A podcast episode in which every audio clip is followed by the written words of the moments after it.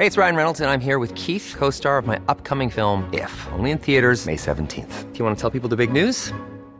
All right, I'll do it. Sign up now and you'll get unlimited for $15 a month in six months of Paramount Plus Essential Plan on us. Mintmobile.com slash switch. Upfront payment of $45 equivalent to $15 per month. Unlimited over 40 gigabytes per month. Face lower speeds. Videos at 480p. Active Mint customers by 531.24 get six months of Paramount Plus Essential Plan. Auto renews after six months. Offer ends May 31st, 2024. Separate Paramount Plus registration required. Terms and conditions apply if rated PG. There's never been a faster or easier way to start your weight loss journey than with PlushCare.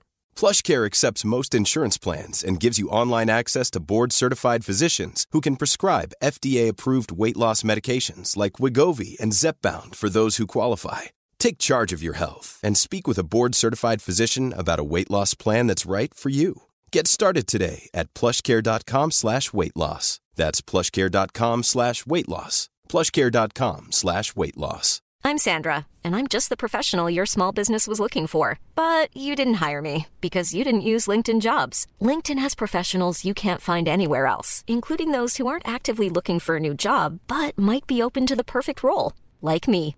In a given month, over 70% of LinkedIn users don't visit other leading job sites. So if you're not looking on LinkedIn, you'll miss out on great candidates like Sandra. Start hiring professionals like a professional. Post your free job on linkedin.com/people today.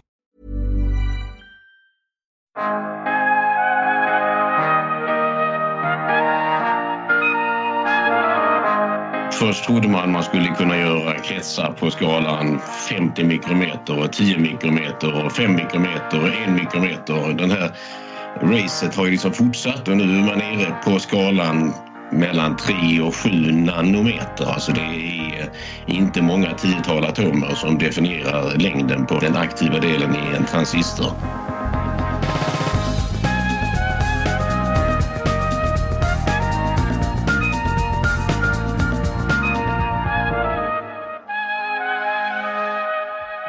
Hej och välkomna till podden Allt du behöver veta om ny teknik. Jag heter Per Danielsson. I takt med att vår värld blir allt mer uppkopplad och digitaliserad ökar efterfrågan på så kallade halvledare. Det här är ett område där den internationella konkurrensen är hård och det är svårt att omsätta forskningsresultat till kommersiella succéer. Veckans gäst är professor Lars Samuelsson. Lars är professor vid Lunds universitet och en av de drivande hjärnorna bakom svensk utveckling inom nanoteknologi och utvecklingen av halvledare. Varför valde Lars fysiken och framförallt nanoteknologi framför den stora drömmen att bli musiker på heltid? Och vad innebär utvecklingen inom nanotekniken för oss konsumenter, för våra tv-apparater och displayer som vi använder i vardagen? Hur avancerade kan integrerade kretsar egentligen bli? Och hur känns det att få guldmedalj av kungen för sina gärningar inom nanovetenskapen? Och hur står sig den svenska halvledarutvecklingen gentemot övriga världen? Hur ser Lars Samuelsson på företagen som är sprungna ur hans forskning vid nanocentret i Lund? Och varför är han inblandad i uppbyggnaden av ett forskningscenter inom nanoteknik i Kina? Ja, det här och mycket, mycket mer pratar vi om i veckans avsnitt. Hej Lars och välkommen till podden Allt du behöver veta om ny teknik. Tack, hej hej. Hur, hur mår du idag? Jag mår alldeles utmärkt bortsett från att jag har haft covid nyligen så jag hostar och låter kanske lite konstigt på rösten. Men annars är det okej. Ja, men det är härligt. Eh, det är kanske inte alla som känner till vem du är. Kan du inte bara kort berätta eh, lite grann om dig själv? Ja, jag är forskare i eh, fysik på Lunds universitet. Jag kan möjligtvis säga lite grann om min, min utbildningsbakgrund. Det är kanske är intressant. Eh, jag började plugga i Lund eh, var sent 60, tidigt 70-tal eh, och trodde då att jag skulle bara läsa lite grann för att kunna finansiera mig ifall att jag inte kunde leva på musiken, vilket var det jag egentligen sysslade med på den tiden. Så jag bestämde mig för att läsa tre ämnen som jag kunde utan att läsa på. Matematik, fysik och musik. Jag ville bli gymnasielärare i de här tre ämnena. Det var väl en bra strategi, men redan på fysik blev det stopp. Det vill säga att det var så himla roligt och utmanande så jag dök djupare och djupare in i, i fysiken. Så jag hade läst två år på fysik på det som kallades C och D-nivå, alltså de högre nivåerna.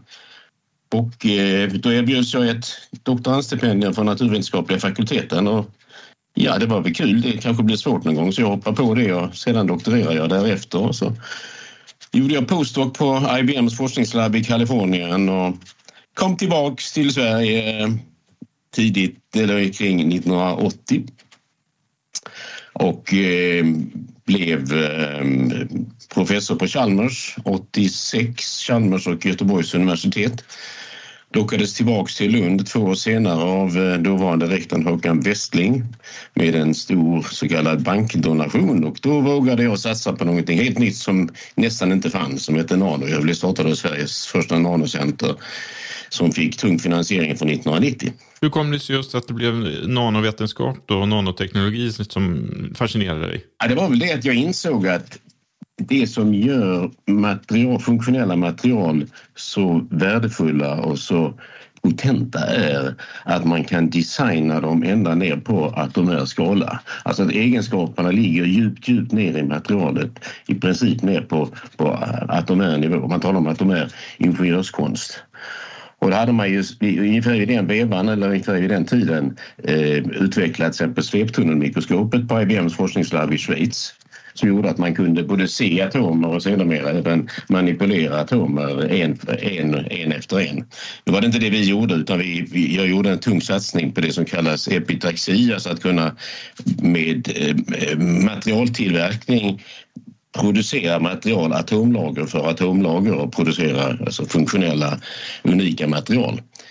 Jag säga från början var det egentligen inte för tillämpningar, även om det är det som kanske har fått rätt stort genomslag, utan jag ville bara se till att vi fick ännu bättre material som man kunde leka fysik med. Va? Och vad, när du åkte till IBM där då, vad var det du lärde dig där eller var det någonting du tog med dig därifrån? Ja. Ja, faktiskt väldigt mycket. Jag gjorde saker där som jag aldrig hade gjort tidigare. Jag gjorde mitt doktorsarbete blandat experimentellt och teoretiskt arbete kring så kallade djupa nivåer, defekter i halvledare. Och på IBM så fick jag då komma in i mer tillämpade projekt. Ett av de projekten handlade om, om display-tillämpningar, sådant som jag på eh, senare år har jobbat väldigt mycket med. Vi gjorde alltså elektroluminescensdisplayer och eh, jag hade väldigt, väldigt, roliga saker. Samtidigt som jag passade på att göra rätt mycket teoretiska arbeten tillsammans med en ledande teoretisk fysiker på IBM. Om man läser en sammanfattande biografi om dig så är du invald i Kungliga Vetenskapsakademin, KVA, medlem i Ingenjörsvetenskapsakademin, IVA och sen flera hedersutmärkelser och priser i länder som USA, Storbritannien, Japan, Kina, med mera. Hur, hur, har du lyckats med allt detta? Att, att jag blev invald i akademin? Ja, ja, det vet man ju aldrig riktigt hur det gick till för det är så himla hemligt och det var innan jag hade kommit in och sett. Numera vet jag ungefär hur det går till.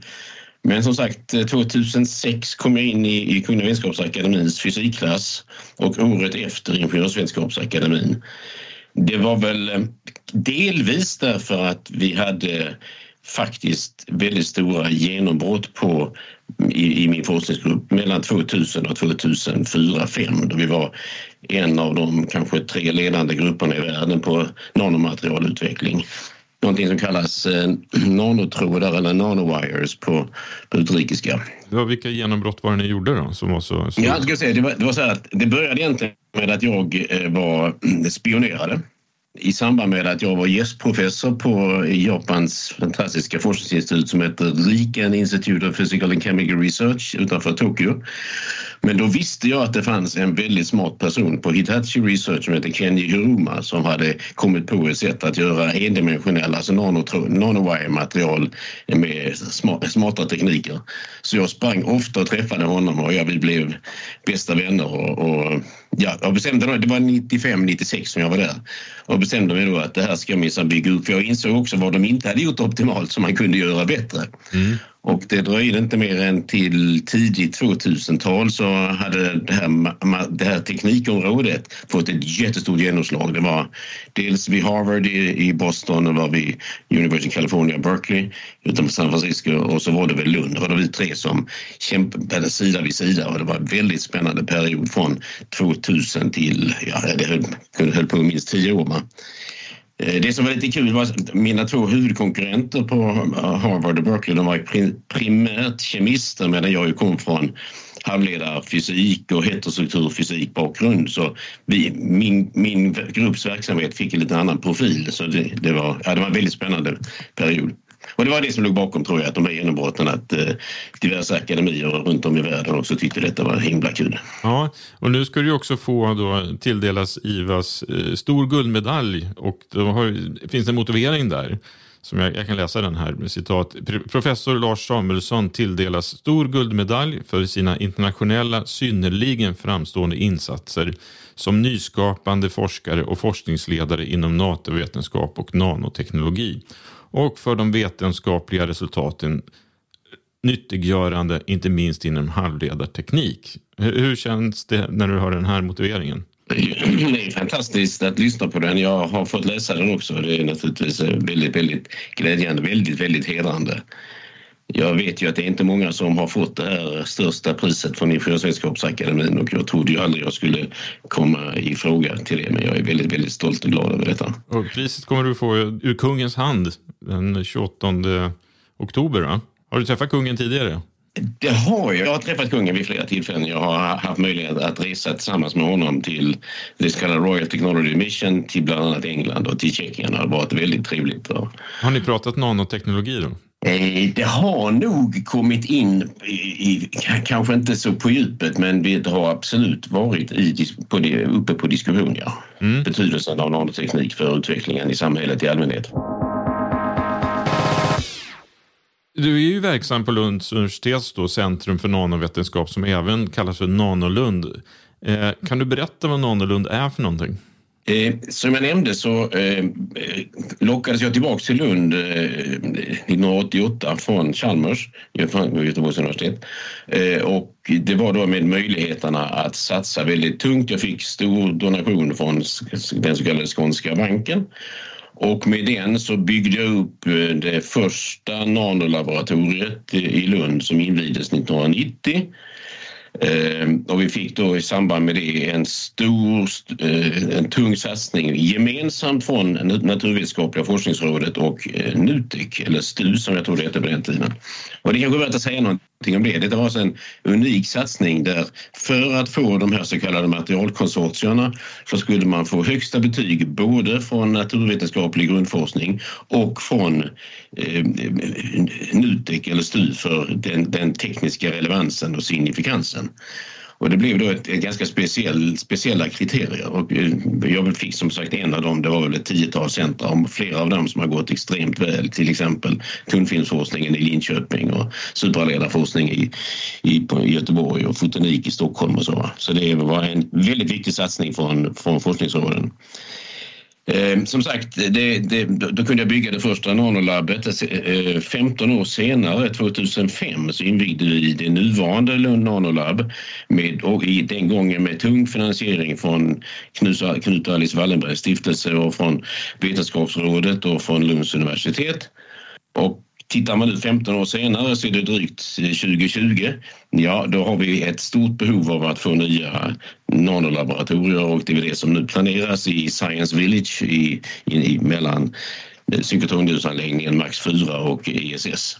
Och det är väl det som nu eh, står på tur så att säga. Om vi tittar liksom på eh, halvledarbranschen som helhet.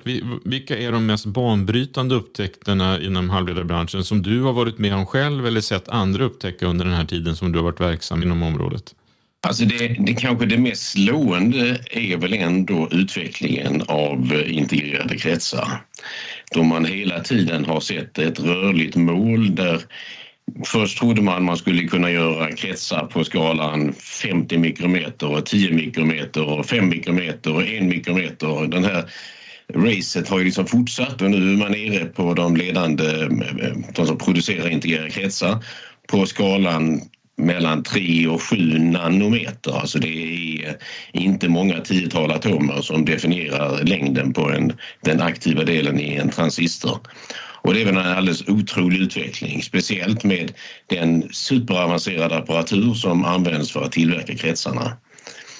Som del i den trenden är också att det krävs enorma ekonomiska resurser. Man brukar säga det att idag så kostar det någonstans mellan 15-20 miljarder US-dollar för att bygga upp en sån här fab, sådana som det finns exempel Intel i USA TSMC, Taiwan Semiconductor Manufacturing Company, TSMC i Taiwan men även i Japan, Korea och Kina. Så, så det är väl, man säger, det är väl kanske max 10 sådana fabs som går att få finansierade. Där bara eh, den här mönstringstekniken som gör att man kommer ner på den här skalan kostar i svenska pengar väl över en miljard för en sån här mönstringsapparatur. Man inser att det är mycket, mycket eh, kostnadskrävande och naturligtvis avans eh, superavancerad teknik. Med andra ord, så, nu såg vi ju Joe Biden skrev ju, tecknade under ett avtal som skulle göra, eller underlätta för amerikanska amerikanska industrin att tillverka ännu fler halvledare på hemmaplan.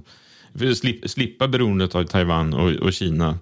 Eh, är det typ länder som USA som kan göra så här eller är det någonting som Sverige också skulle kunna göra? Alltså Sverige ensam kan ju inte göra det men det sker ju för närvarande en väldigt stor satsning på europeisk nivå på att faktiskt återskapa halvledartekniken och halvledarindustrin i Europa som tidigare nästan om inte har gått förlorad så har den åtminstone fört en tynande tillvaro. Så man satsar väldigt hårt i, i Europa, eh, naturligtvis i USA. Jag vet ju att man satsar väldigt hårt i Kina bland annat eftersom USA försöker blockera Kina från att komma åt eh, halvledarteknik. Så det är ju eh, ett race över hela världen för närvarande. Du frågade förresten om genombrott på teknik. Jo, alltså man kan ju säga lite grann, men det kan jag inte säga, men man kommer lite grann till vägs ände när man nästan är nere på atomskala på de här kretsarna. Eh, en annan stor sak som händer för närvarande och har hållit på en tid är något som kallas heterogen integration där man blandar olika tekniker, olika material på ett kiselchip. Alltså man tillför funktionalitet som inte finns i kislet själv. Till exempel optiska egenskaper för att kunna producera eller detektera ljus på ett optimalt sätt. Och ett sådant exempel är ju det som min grupp Hey Dave. Yeah, Randy. Since we founded Bombus, we've always said our socks, underwear and t-shirts are super soft. Any new ideas? Maybe sublimely soft. Or disgustingly cozy. Wait, what? I got it. Bombus Absurdly comfortable essentials for yourself and for those facing homelessness. Because one purchased equals one donated. Wow, did we just write an ad? Yes. Bombas. Big comfort for everyone. Go to bombas.com slash ACAST and use code ACAST for 20% off your first purchase. I'm Sandra, and I'm just the professional your small business was looking for. But you didn't hire me because you didn't use LinkedIn jobs. LinkedIn has professionals you can't find anywhere else, including those who aren't actively looking for a new job but might be open to the perfect role, like me. In a given month, over 70% of LinkedIn users don't visit other leading job sites. So if you're not looking on LinkedIn, you'll miss out on great candidates like Sandra. Start hiring professionals like a professional. Post your free job on linkedin.com/people today. Hey, it's Ryan Reynolds and I'm here with Keith, co-star of my upcoming film If, only in theaters May 17th. Do you want to tell people the big news? All right, I'll do it. Sign up now and you'll get unlimited for $15 a month in 6 months of Paramount Plus Essential Plan on us. Mintmobile.com slash switch. Upfront payment of $45 equivalent to $15 per month. Unlimited over 40 gigabytes per month. Face lower speeds. Videos at 480p. Active Mint customers by 531.24 get 6 months of Paramount Plus Essential Plan. Auto renews after 6 months. Offer ends May 31st, 2024. Separate Paramount Plus registration required. Terms and conditions apply if rated PG. Millions of people have lost weight with personalized plans from Noom. Like Evan, who can't stand salads and still lost 50 pounds. Salads generally for most people are the easy button, right? For me, that wasn't an option. I never really was a salad guy. That's just not who I am. But Noom worked for me. Get your personalized plan today at Noom.com. Real Noom user compensated to provide their story. In four weeks, the typical Noom user can expect to lose one to two pounds per week. Individual results may vary. För närvarande i Lund och och även i, på Ideon, forskarkabin, sysslar med. Nämligen att integrera ett material som heter galliumnitrid på kisel, direkt på kisel. Mm. Då har man alltså plattformen som den där kisel baserade industrin har utvecklat och på den lägger man ett nytt funktionellt material, galvnitrid, dels som ger möjlighet att göra kraftelektronik och RF-elektronik med mycket högre effekter och högre hastigheter än vad kisel kan åstadkomma. Men dessutom man får ett fenomenalt material för alla optiska tillämpningar, alltså för att göra lysdioder eller för att göra det som vi sysslar med mycket och har gjort i, i 15 år nu ungefär, att göra displayer baserat på galvnitrid på kisel. Och det är en annan väldigt stor trend för närvarande. Och om jag har läst på rätt här nu så har du vid flera tillfällen försökt att kommersialisera det arbete du har gjort i labbet. Eh, kan du berätta lite kort vilka företag du varit med och startat och hur har det gått och hur har det varit? Jag kan säga det att när vi började, jag berättade om det här äventyret med nanotrådarna som kom igång sent 90, kring 2000. Mm. Så började vi med något som man kallar ja, i halvledarsammanhang små bandgasmaterial som indiumarsenid och indiumfosfid som då inte kan producera synligt ljus.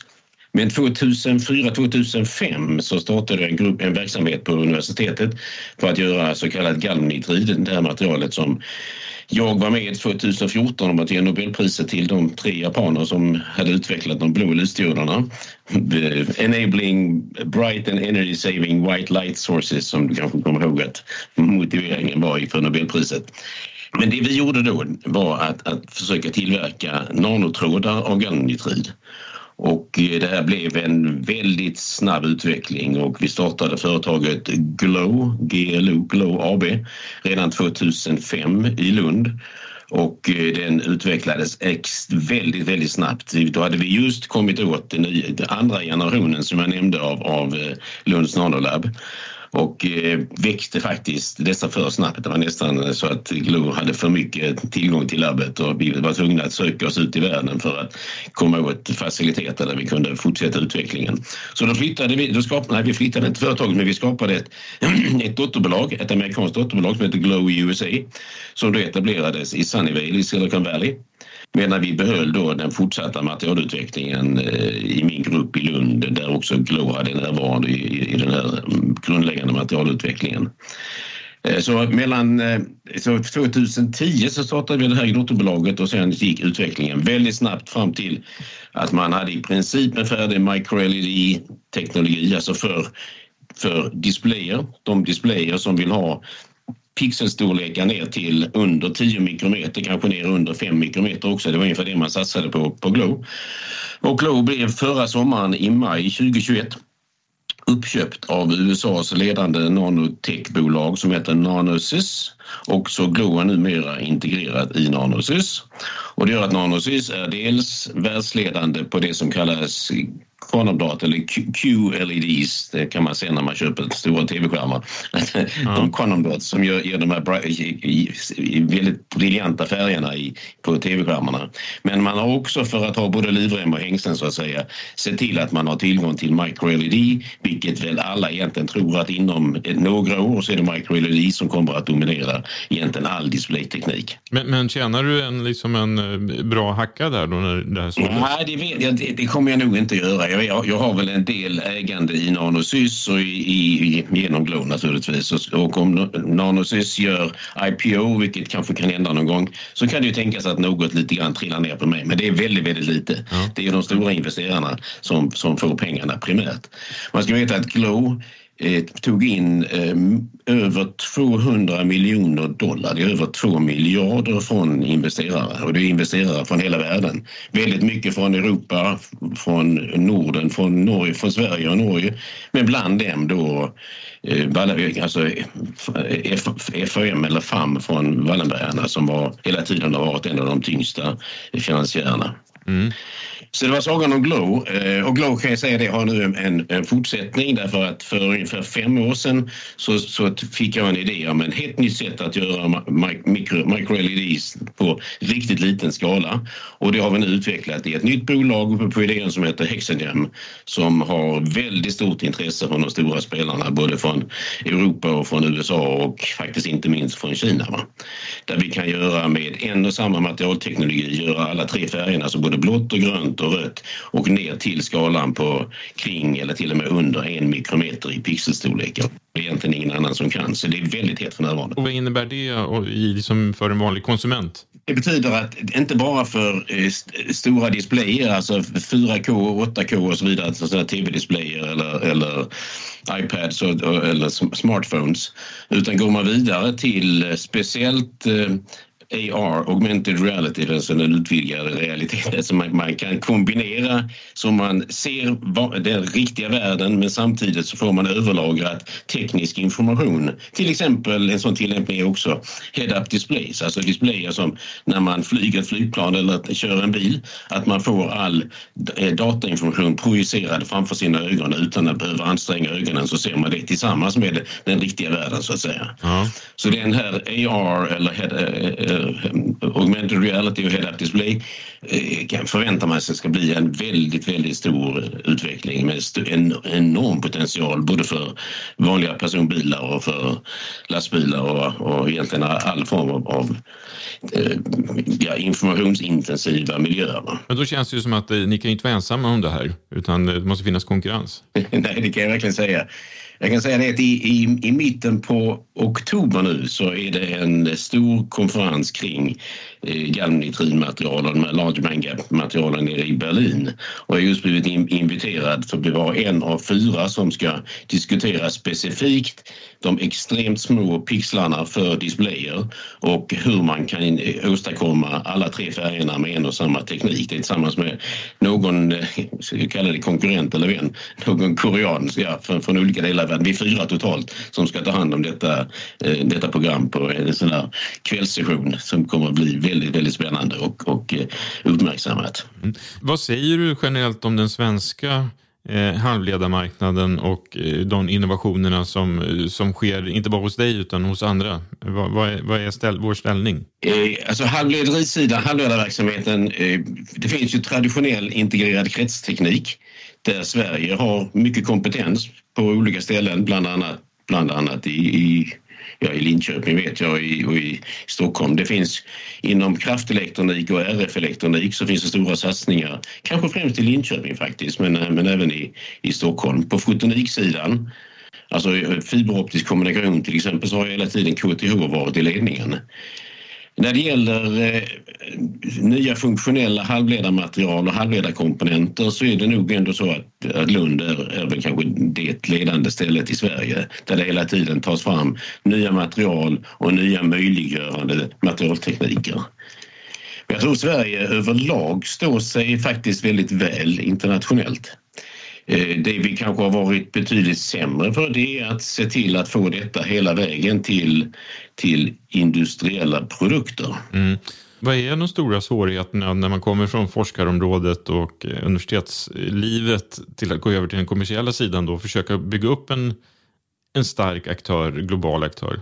Ja, det är ju som nästan alltid, det är personer det hänger på. Alltså det är väldigt sällan som en, eh, en påhittig eh, grundforskare som, som eh, kommer på nya sätt att göra saker och ting kan föra detta till kommersialisering. Det krävs ju andra kompetenser, folk med industriell, kommersiell, patentkompetens bakgrund säkert så att man kan ha eh, de som driver vetenskapen och teknologin som draghästar men det krävs väldigt, väldigt mycket mer för att styra detta till någonting som blir produkter. Jag kan säga att på, om vi tittar på Glow som, som det bolaget som vi har pratat mest om så var det ju att vi fick in inte bara väldigt kompetenta investerare utan också folk i styrelsen och i, i företagets ledning. Vi kan säga när vi flyttade till Sunnyvale så utan att eh, rådna så plockade vi några av de finaste russinen från eh, Philip Lumeled-kakan som, som i Palo Alto. Mm. Och det var också en av anledningarna till för oss att vi flyttade till, till Silicon Valley var att det fanns folk med precis den kompetensen som vi faktiskt internt saknade.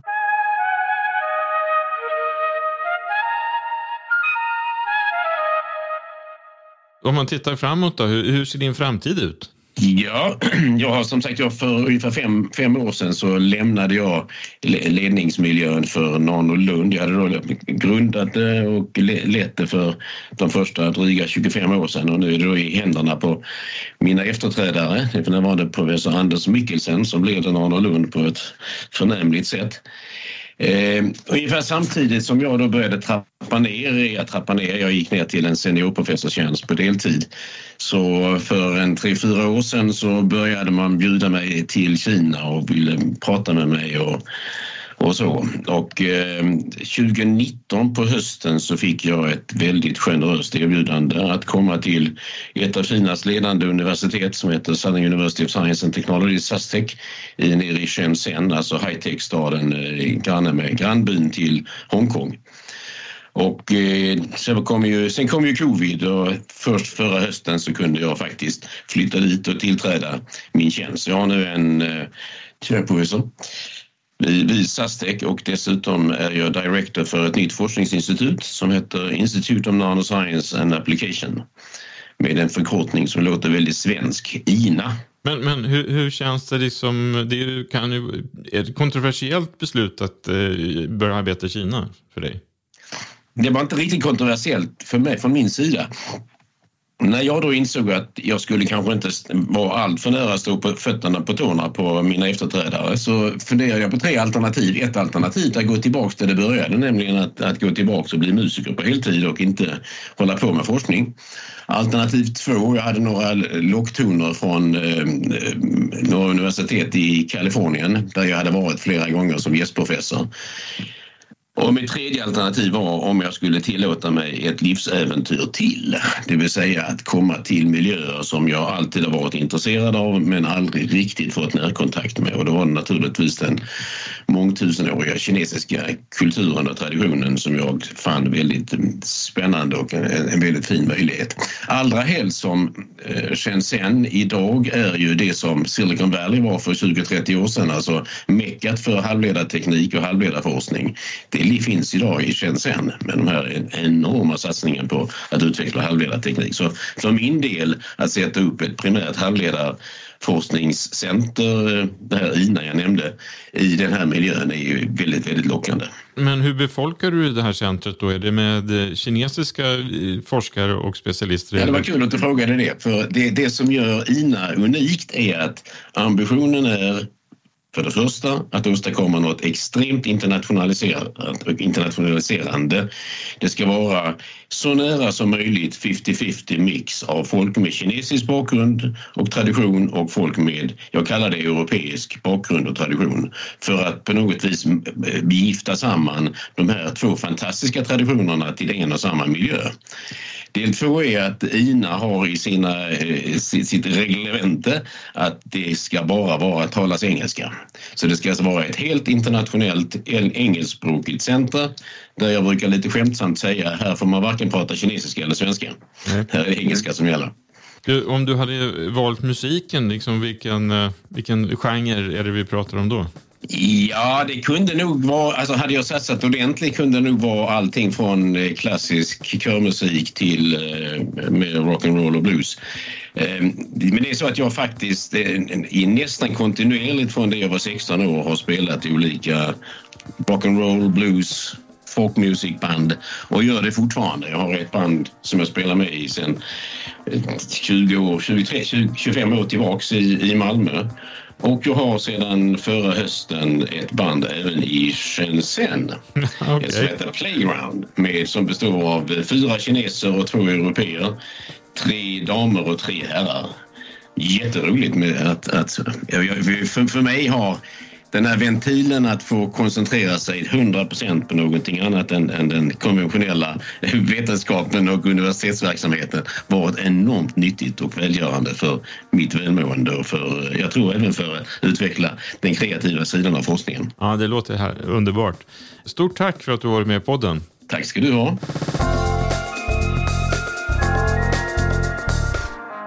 Då tackar vi Lars för att han var med i veckans avsnitt av podden. Vi tackar dig som har lyssnat och har du åsikter eller förslag på gäster och ämnen så får du jättegärna mejla till redaktionen at nyteknik.se. Tack så mycket. Vi hörs nästa vecka. Hej hej!